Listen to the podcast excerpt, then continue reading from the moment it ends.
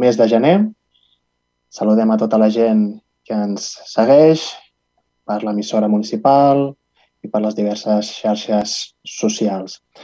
I són presents els 21 regidors i regidores i us he de preguntar si tothom estem a territori de, dins del territori de, de l'Estat. Entenc que sí, si ningú manifesta el contrari.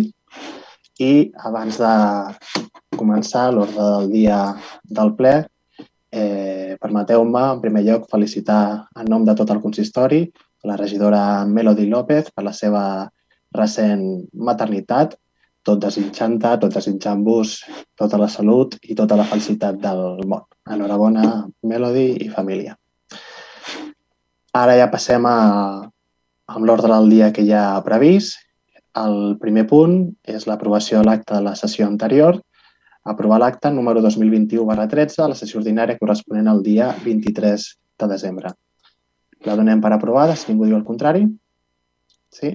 Perfecte. Doncs queda aprovada l'acte. A despatx d'ofici es dona compte del llistat de decrets de l'alcaldia següent dictats des del dia 17 de desembre de 2021 fins al 20 de gener de 2022, amb dos inclosos, que consten els respectius expedients dels llibres decrets d'alcaldia del 21 del 22, número 2021 barra 313 i 2022 barra 98. Ara ja passem als punts d'acord, que n'hi ha tres a l'ordre del dia. El primer d'aquests fa referència, finalment, a l'aprovació definitiva del reglament orgànic municipal de Ripollet. Recordem que al ple d'aquest Ajuntament vam aprovar el 30 de setembre de 2021 inicialment aquest nou ROM i durant el transcurs del període d'exposició al públic es va presentar al·legacions, en aquest cas per part del regidor no adscrit, el senyor Eugeni Montanui. En síntesi, les al·legacions versaven sobre el següent, que s'acceptés la proposta incorporar altres situacions de les descrites en l'últim paràgraf de l'article 21, com poden ser una malaltia greu reconeguda per un col·legiat metge i sempre que no existís cap impediment tècnic i col·legiat, a banda de les situacions ja previstes de permisos de maternitat i paternitat.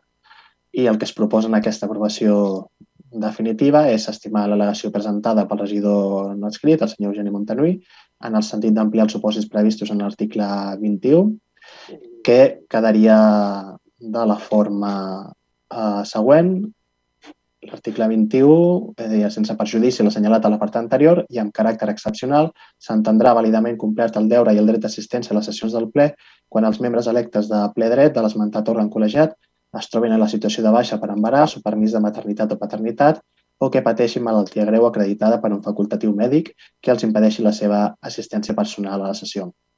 Tot i que, com ja van comentar també en, en l'anterior ocasió, en l'aprovació inicial del ROM, la llei no preveu expressament aquesta possibilitat pels municipis, però també, per altra banda, entenem que existint els mecanismes, com existeixen a dia d'avui, cal preservar el dret dels càrrecs electes a participar en els plens i a fer-ho de forma telemàtica si per raons justificades no poden fer-ho. I a més també el redactat que, que es proposa en aquest eh, nou ROM és eh, molt similar el que recull la Diputació de Barcelona, que va aprovar farà justament ara dos anys, cosa que també ens ofereix una seguretat eh, i un convenciment extra. I amb aquesta, i si queda aprovat aquest punt, doncs quedaria aprovat definitivament el text del reglament orgànic municipal. Passem a posicionaments, intervencions. Senyor, eh, senyor Montanui. Sí, gràcies, alcalde. Com molt bé, com molt bé heu dit, el passat any 2021 vaig, vaig presentar aquestes al·legacions que, que han estat recollides, com molt bé tothom sap, i han tingut el vistiplau inicial fins al dia d'avui de totes les formacions polítiques. No voldria perdre l'oportunitat d'agrair el suport tècnic de la secretària de l'Ajuntament, la senyora Elena Muñoz, eh, que ha tingut eh, i que ha tingut eh, per part d'ella en tot moment durant aquest procés, com també no voldria oblidar l'acompanyament que he tingut de, del propi alcalde en aquest procés i, evidentment, per la meva part, és a favor. Gràcies. Gràcies. Per part de SOM, senyora López. Sí, nosaltres votarem a favor. Gràcies. Ciutadans? Sí, votarem a favor. Gràcies. PSC? Sí, bona tarda a tothom. A favor. Molt bé, doncs queda aprovat definitivament aquest ROM per unanimitat i que eh, entenc que de forma imminent doncs, ja serà d'aplicació. Ara passem al següent punt, que és la modificació del contracte dels serveis de recollida selectiva de residus urbans, el seu transport i la neteja viària al municipi de Ripollet. En aquest punt eh, presentarà la regidora de Serveis Municipals i Municipalitzacions, senyora Pilar Castillejo. Endavant.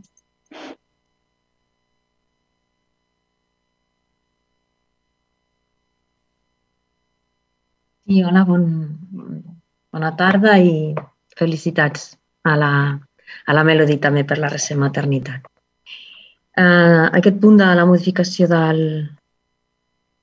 del contracte del servei de recollida selectiva, eh, bueno, el que plantegem és la necessitat de modificar aquest contracte eh, que recull, és, és el, de la, el de la recollida i la neteja, però no afecta en res la neteja viària del municipi, que com ja sabeu, a principis d'aquesta setmana ja s'ha posat en marxa el nou contracte. Eh, la proposta de modificació neix de l'experiència de, de municipis d'alta densitat on s'han implantat sistemes de recollida porta a porta i que permet valorar els resultats i, per tant, després d'aquesta valoració de com ha anat amb les ciutats, doncs, introduïm aquests canvis.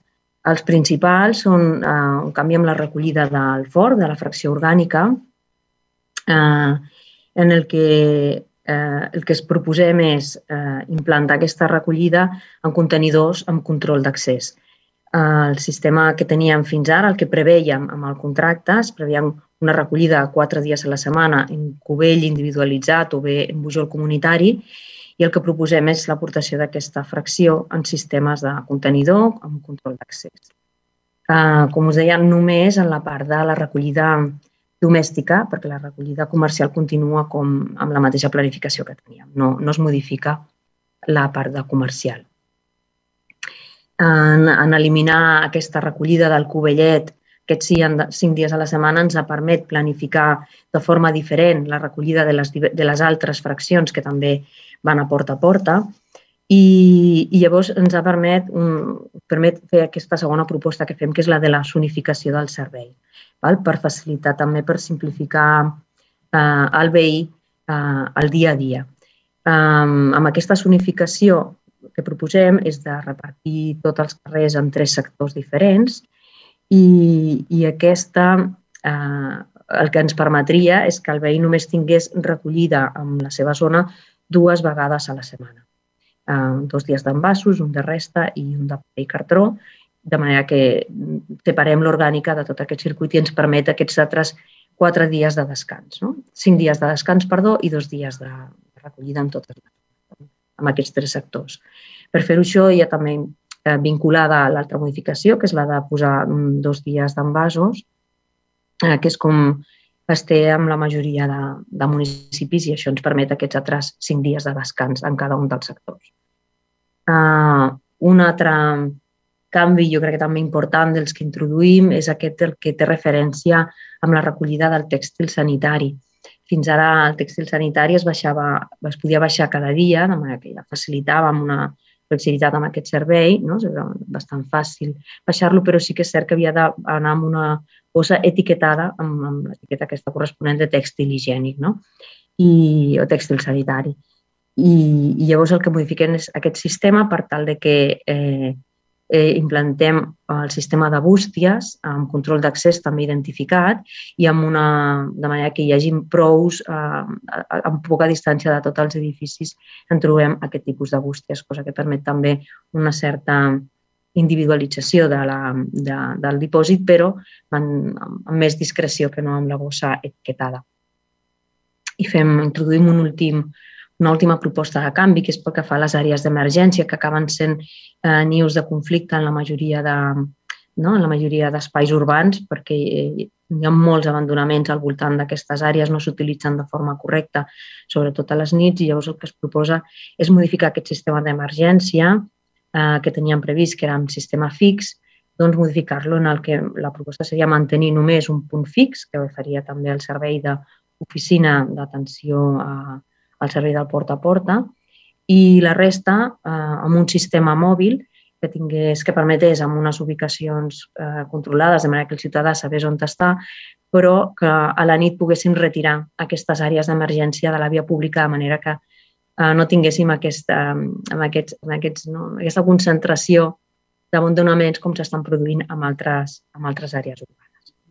Um, amb aquestes modificacions sí que no afecten en absolut el preu del contracte perquè les adaptacions que hem introduït um, es compensen unes amb altres. Hem reordenat el servei de manera que no hagi d'afectar econòmicament i, per tant, creu que ja um, sortíem, doncs, el que fem és això, reorganitzar i no afecta econòmicament a la del servei i, com he dit al principi, tampoc afecta al servei de recollida, de recollida comercial ni a, ni a la neteja viària.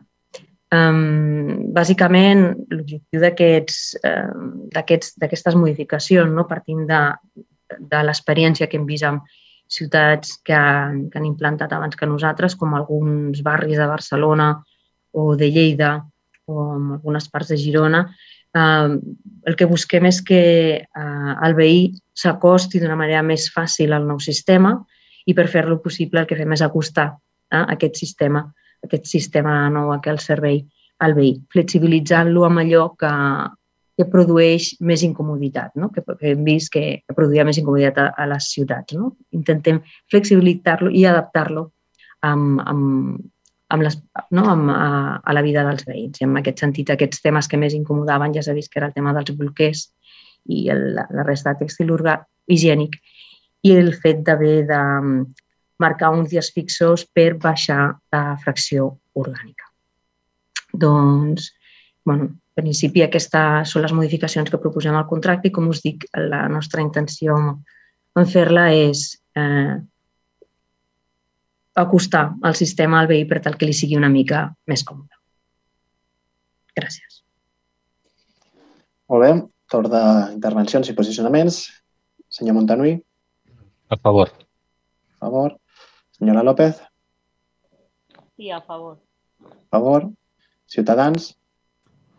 Sí, eh, per part de Ciutadans de tothom és conegut la nostra oposició al nou model, que pensem que si la seva aplicació no ens demostra el contrari, seguim defensant que serà un fracàs. I com diu el refrener popular, encara que la mona es vesteixi de seda, mona es queda. Per tant, el nostre vot serà contrari. Gràcies. Gràcies. PSC. Hola, bona tarda a totes i tots. El PSC, com ja sabeu, està a favor de la recollida selectiva i de poder fer una gestió que ens porti, si pot ser, al 100% del reciclatge. No obstant, continuem pensant que un canvi d'aquesta magnitud s'hauria de fer amb mesura i no a tota la ciutat a la vegada, tot i com es vol implantar. Aquesta no és la nostra forma de fer-ho, com ja hem dit en altres ocasions. Fer-ho així ho continuem veient perillós pel risc de generar un problema important amb els nostres residus i la poca eficàcia que pot tenir amb el reciclatge. A més, també ens agradaria preguntar-li a la regidora Pilar que a data d'avui encara no ens han dit a quan començaria a fer el procés d'informació als veïns i veïnes i com sempre hem fet en altres eh, ocasions, el nostre vot serà d'abstenció. Gràcies. Gràcies, senyora Herrera. Tenc senyora Castillejo, si vol comentar alguna cosa.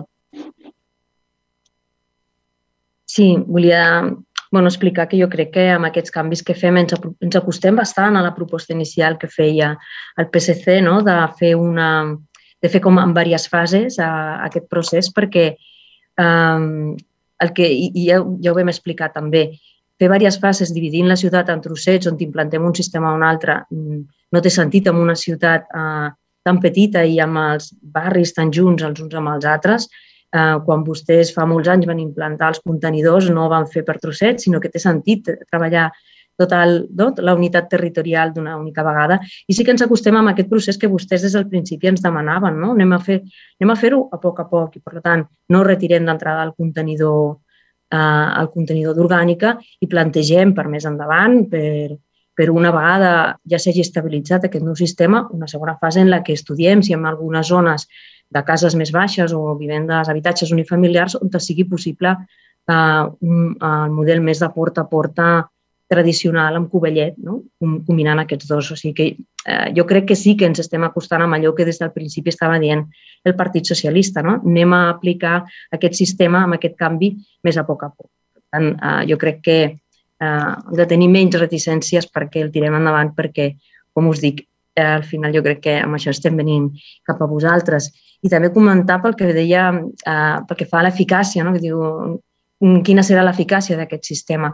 Nosaltres el que sí que, bueno, aquí clar, encara no l'hem posat, però sí que veiem els resultats d'altres llocs on s'ha fet aquesta combinació de contenidor amb accés tancat i, i porta a porta de la resta de fraccions. I el que veiem és eh, resultats de, per exemple, recollides eh, en percentatges de recollida selectiva del 80%.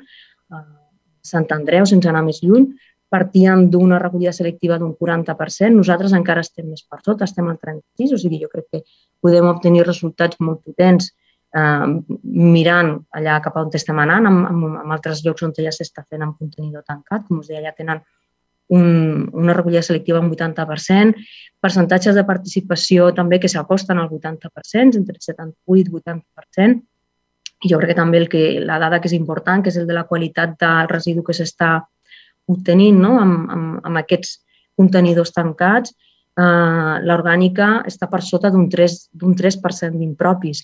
Nosaltres a Ripollet en aquest moment superem el 20% i sabem que per sobre d'aquests límits és el mateix que no fer recollida selectiva. No, no es considera recollida selectiva si té un nivell d'impropis superior al 20%. Doncs baixar d'aquest 20 a un 3 i, i passar d'un 36% que estem de recollida selectiva doncs, a uns objectius que ens marquem del 80%, jo crec que um, jo crec que ens acosta no, a tenir un sistema bastant més eficaç del que tenim actualment. I com us deia, acostant-nos amb aquesta flexibilitat com un sistema no, doncs, més fàcil pel veí, que era el que des d'un principi ens estàveu demanant. Agraeixo els vots a favor dels que ens heu donat i les abstencions que entenc que és un, bueno, doncs caminem, fem aquest, comencem a caminar en aquest sentit. Quan comencem el procés? La implantació està prevista pel juny, uns mesos abans comença el procés d'informació a tots i cadascú dels veïns, la implantació pròpiament dita, que consisteix en el repartiment del material, les reunions amb tots i cadascú dels veïns. La previsió és tres mesos abans, és quan es comença a fer aquesta, aquest eh, porta a porta de reunions amb els veïns per la distribució del material. Val? El que és la campanya de preimplantació ja estem, ja estem amb ella. D'alguna manera ja estem treballant amb la preimplantació explicant com funcionarà aquest sistema. Ja us dic, el, les reunions amb tots i cadascú dels veïns estan planificades per tres mesos abans. I, i bueno, sí, com que ja ens fiquem de ple, entenc que començarem a treballar més plegats amb, aquest, amb, amb el tema de la implantació del nou sistema i amb el seu seguiment. Gràcies, alcalde. Molt bé, doncs si no hi ha cap més qüestió, amb el vot contrari de Ciutadans, l'abstenció del PSC i el vot favorable a la resta, queda aprovat aquest punt. Passem al següent, que és la constitució de la Comissió de Persones amb Discapacitat. El presentarà el regidor Ferran Sánchez. Endavant. Hola, bona tarda a tots i totes i moltes felicitats també a, a Melody família. Bé, avui és un, és un dia important ja que portem a aquesta aprovació de lo que és la Comissió de les persones amb discapacitat, que venia a ser el que era la, la taula de les persones amb discapacitat, que ja fa uns anys que, que venim des d'aquesta de, des regidoria, des d'aquest ajuntament, fent amb totes les persones que, que tenen diversitat funcional, que estaven fent aquestes reunions que elles mateixes estaven organitzant en subcomissions, però que no estava legalitzada aquí a, a nivell d'Ajuntament, encara que no estigués legalitzada, doncs, totes les aportacions que, que ens feien les recollíem aquest Ajuntament i les intentaven o les tiraven endavant. Però hem de dir que per això és aquest dia tan important, perquè avui doncs, la portem aquí doncs, per portar la seva aprovació i sobretot és important dir doncs, que, que, que tot aquest text que portem és, és consensuat i, de fet, amb aportacions d'aquesta comissió. Jo només volia donar les gràcies, eh, en primer lloc, a totes les persones que, que en formen part, que són moltes, les quals eh, estem fent una feina considero que molt proactiva i, i molt bonica, que és de, de tots els àmbits, no només a nivell de, de via pública, sinó de, de tots els àmbits, perquè elles mateixes s'autoreuneixen en subcomissions de treball, com deia anteriorment. Aquestes són en comerç, drets socials, esports, transport públic, via pública i que la nostra feina també és d'enllaç directament amb, a les regidories i de fer una feina conjunta en, en tot el que podem fer com a, com a ciutat doncs, per poder ser una ciutat que realment doncs, doncs ningú es quedi enrere. No? També donar les gràcies a, a, a Sergio Linares, que com a regidor de participació doncs, ha estat molt proactiu en, en, en poder portar aquest test avui i també doncs, donar les gràcies també a, a, a totes les persones que heu estat a la sessió de la Comissió d'Estudi del Reglament de la Comissió de les Persones amb Discapacitat, en primera instància el senyor Molina, al, al mes de desembre, que vam fer aquella primera reunió i a segona reunió posterior que també vam fer i que es va sumar tant la Melody com l'Eugeni. I si no, doncs, torno a dir que totes les persones que, dels grups municipals que no vau poder formar-hi part d'aquesta comissió d'estudi, doncs estic aquí disponible tant jo com el Sergio en recollir totes les aportacions que veieu de manera oportuna que podem recollir per poder millorar a, a aquest document. Per la resta no, no vull allargar-me molt més, només dir això. Creiem que és un punt important que avui podem portar aquest, a, aquest test al, al ple, ja que posa encara més valor doncs, aquesta feina que s'està fent tant l'Ajuntament com, com aquesta comissió i que esperem que d'alguna manera doncs, dignifiqui encara més doncs, la, la nostra ciutat. Moltes gràcies. Gràcies. Posicionament, senyor Montanui. Uh, sí, gràcies, alcalde. Um, com molt bé dit, uh, com molt dit el regidor i, i també li vaig traslladar amb la darrera trobada que vam tenir a la comissió és, eh, és de justícia felicitar per la feina, per la feina feta, per la feina portada a terme, no només eh, en el dia d'avui, per portem al ple, en el sí del ple, l'aprovació final d'aquest, sinó per la feina portada a terme durant tots aquests anys, perquè tot i que avui potser sí que fem, fem net, però que això és una feina de llarg recorregut que, que en aquest cas li ha tocat al regidor Fran Sánchez, però que considero que ha liderat ha liderat molt bé durant tots aquests anys. Eh? Per tant, eh, no, és, eh, no és estrany que, evidentment, el meu vot sigui a favor. Gràcies. Gràcies. Som, senyora López. Gràcies, Fran, per la feina feta i a seguir endavant. Eh, el nostre vot serà favorable. Gràcies, Melody. Ciutadans? Sí, el nostre vot és favorable. Perfecte. PSC? Sí, hola, bona tarda. Bueno, una, sí, bona tarda. Uh, bueno, volia també felicitar en primer lloc a la Melody per la recent maternitat i a la seva família. I després, en, en aquest punt, en concret, doncs, uh, la, bueno, la posició del, del PSC és, és favorable Uh, creiem que, que aquesta comissió és, bueno, aquesta comissió és, és el punt inicial per, per fer, uh, per fer l'Ajuntament i, amb, i amb junt de la comissió i la resta de, de totes les entitats que, que participen, el fer polítiques realment que siguin inclusives per, per tothom. I, i crec que, que és realment uh, és, és un punt que és eh, enriquidor per, per la nostra ciutat i sobretot per totes les persones que, i tots els veïns que realment eh, ho mereixen. Doncs, eh, en aquest sentit és favorable. Gràcies. Molt bé. Doncs, per unanimitat, queda aprovat aquest punt, que en resum el que recull és aprovar aquesta creació de la Comissió de Persones amb Discapacitat com a òrgan de participació sectorial, aprovar inicialment el text del reglament que haurà de regir aquest marc normatiu de la comissió i sotmetre l'expedient a informació pública per tal que tothom qui vulgui doncs, el pugui consultar i presentar, si així ho estima, les corresponents al·legacions. Perfecte, dic que queda aprovat per unanimitat. No hi ha més punts a l'ordre del dia. Així doncs passem als pregs i preguntes. Obrim torns. Senyor Montanui. Gràcies, alcalde. No, avui no faré cap prec i pregunta. Gràcies. Gràcies. Senyora López. Sí, gràcies, alcalde. Cap intervenció. D'acord, gràcies. Ciutadans.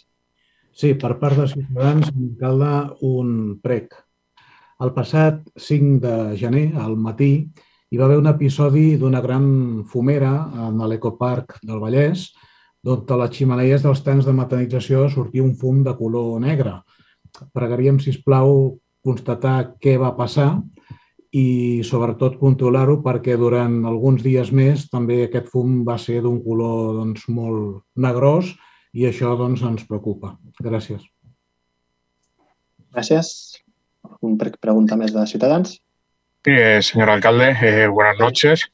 me gustaría preguntarle, perdón, me gustaría preguntarle sobre la permanencia de Mercadona en el mercado, en las instalaciones del mercado municipal, si hay alguna novedad respecto a algún pronunciamiento de Mercadona sobre si va a seguir o no en su actual emplazamiento. Gracias. Gracias. Eh, PSC.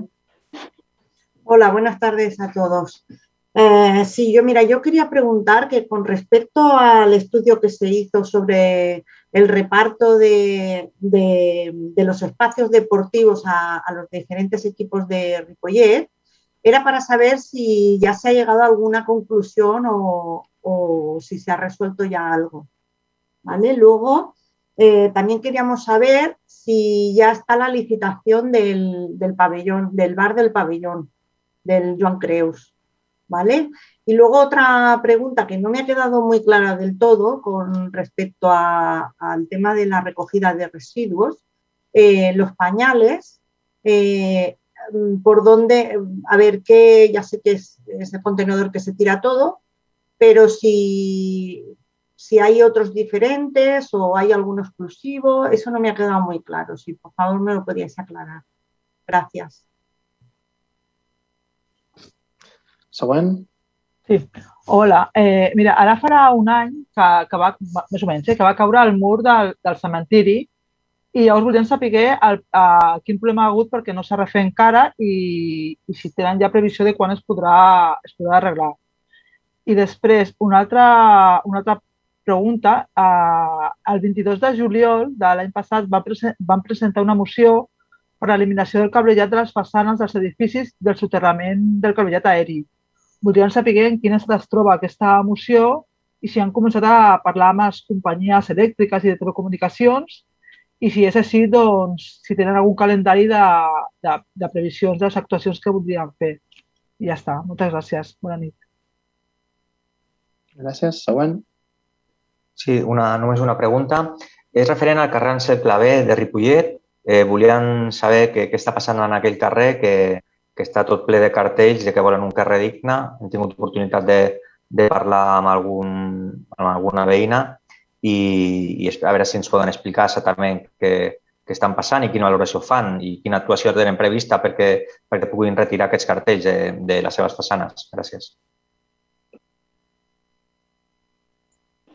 Gràcies. Regidors, regidores que vulguin contestar.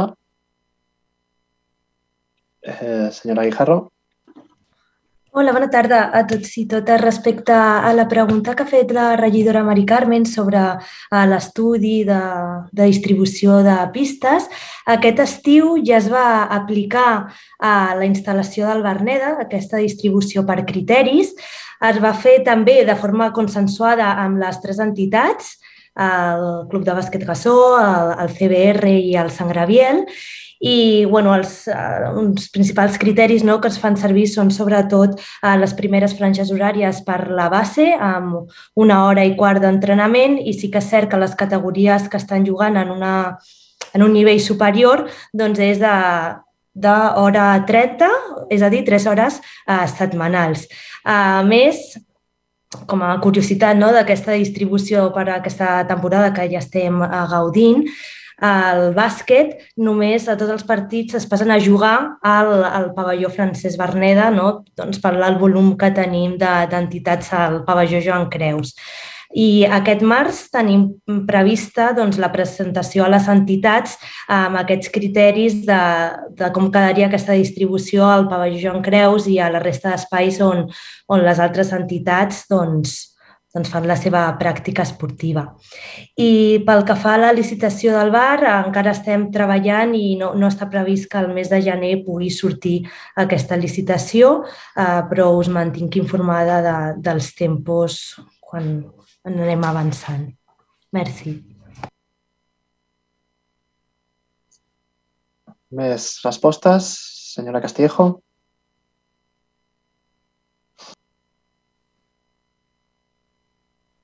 Um, responc a la Mari Carmen pel tema dels, dels bolquers i la resta de tèxtil higiènic, eh? són bolquers, compreses.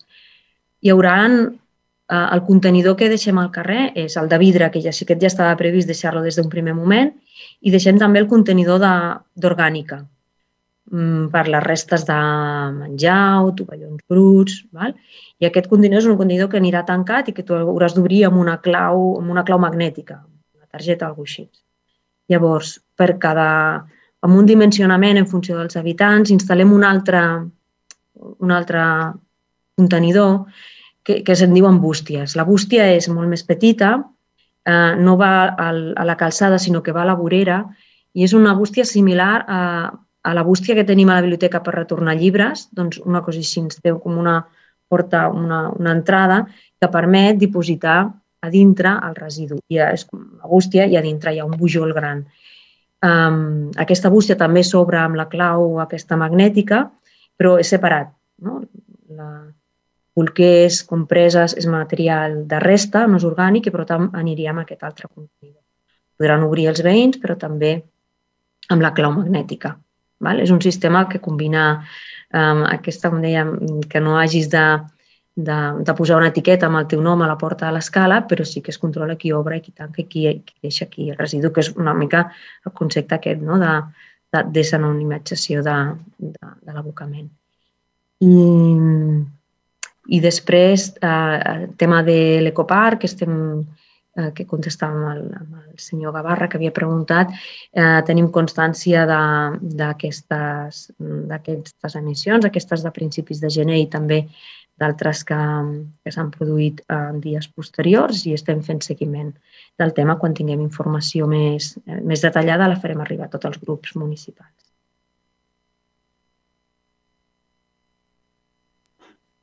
Una resposta més?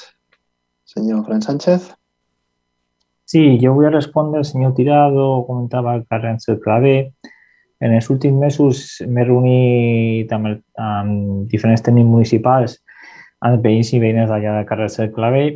I la tessitura que tenim al carrer Cel Clavé és una miqueta l'excés de velocitat d'alguns vehicles d'acord, que agafen molta velocitat i també la sensació de que si vas per la vorera, eh, depèn del tipus de vehicle que passi, et dona la sensació de que tens que, que arrimar-te molt a la paret, no? perquè sembla que potser eh, pugui agafar una mica la roda de la vorera, sobretot si és un vehicle una mica gran.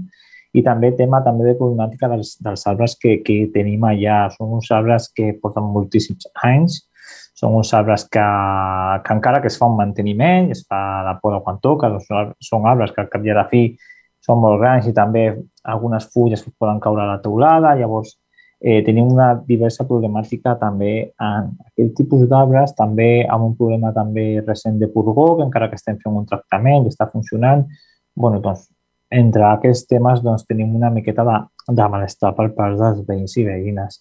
Sí que és cert que hem, hem posat un parell de bandes de reducció perquè els vehicles doncs, intentin no tenir tanta velocitat. Hem posat també una senyal lluminosa al creuament en carrer nou, que és una senyal lluminosa solar que adverteix no, que hi ha un pas de cebre amb una lluminària um, que es nota molt i, i, i que també intentem que, sobretot, um, la penetració del carrer nou, doncs, en aquell tram doncs, que no hi hagi cap tipus de, de, de susto ni d'accident, no? llavors hem augmentat encara aquella, amb, aquella, amb aquella senyal lluminosa i estem estudiant doncs, la possibilitat de, de veure què podem fer amb els arbres perquè no és una situació fàcil, però sí que és cert que està realitzant doncs, unes problemàtiques als veïns i veïnes d'allà que ens han retransmès en aquestes reunions. Nosaltres estem fent unes reunions de seguiment, ja he dit, tant en tècnics municipals de l'àrea de ciutat i sostenibilitat, ens anem veient amb les veïnes d'allà i intentem donar resposta en tots aquests termes.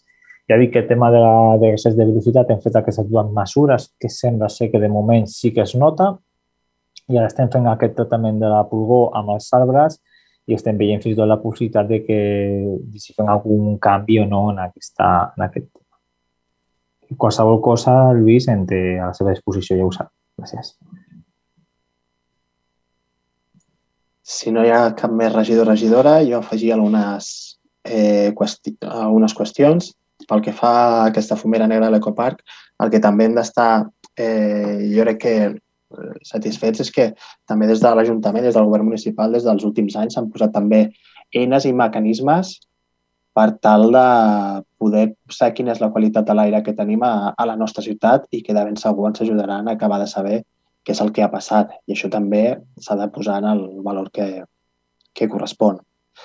Pel que fa a la permanència de Mercadona, a la, a la plaça Pere a la ubicació, és una pregunta recurrent també del, del company eh, Tàpia i que també moltes vegades també jo el que els emplaço també és que és una resposta que eh, també és la mateixa empresa la que ha d'acabar eh, dient què és el que, què és el que fa. Eh, però vaja, també a, a ningú se li escapa que, que els models d'aquest tipus de supermercat que hi ha a, a dia d'avui no passen per aquest tipus de models o aquestes ubicacions de supermercat, sinó per un altre tipus d'ubicacions i, de, i de fórmules. Però això és una cosa que, sobretot a nivell empresarial, Mercadona és qui ho ha acabat d'aclarir en el moment que, que li correspongui.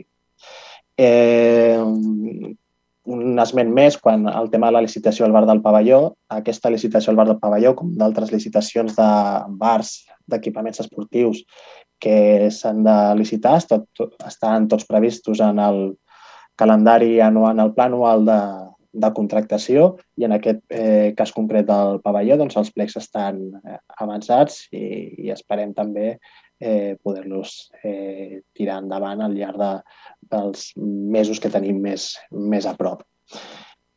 Pel que fa al mur del cementiri, efectivament, és una problemàtica, bueno, és una situació que, que continua, que continua des dels aiguats del desembre de 2020, eh, que van fer també, com ja s'ha explicat en aquest ple en alguna altra ocasió, que van a afectar una part molt sensible, com és alguna part de columbaris, de, de nínxols, i aquí, eh, i aquí, per tant, el que calia fer és una eh, actuació eh, important.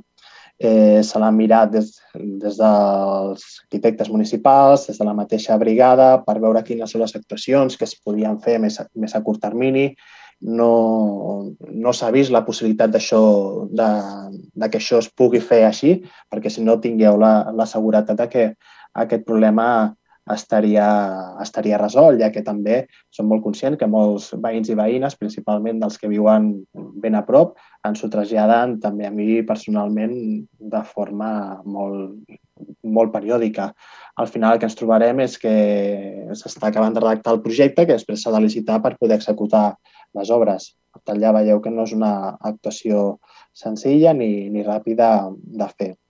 Pel que fa a la, la moció per l'eliminació del cablejat en façanes, em penso també que ja ho vam comentar en alguna altra ocasió en aquest, en aquest plenari al respecte. Efectivament, el que es va, el que es va fer és enviar les peticions, les comunicacions a les diverses empreses que tenien aquest tipus de cablejat de subministraments eh, en els diversos carrers de, de Ripollet i la resposta que es va rebre d'elles és que, que ok, que disposades a col·laborar, però evidentment sempre i quan l'Ajuntament es fes càrrec de,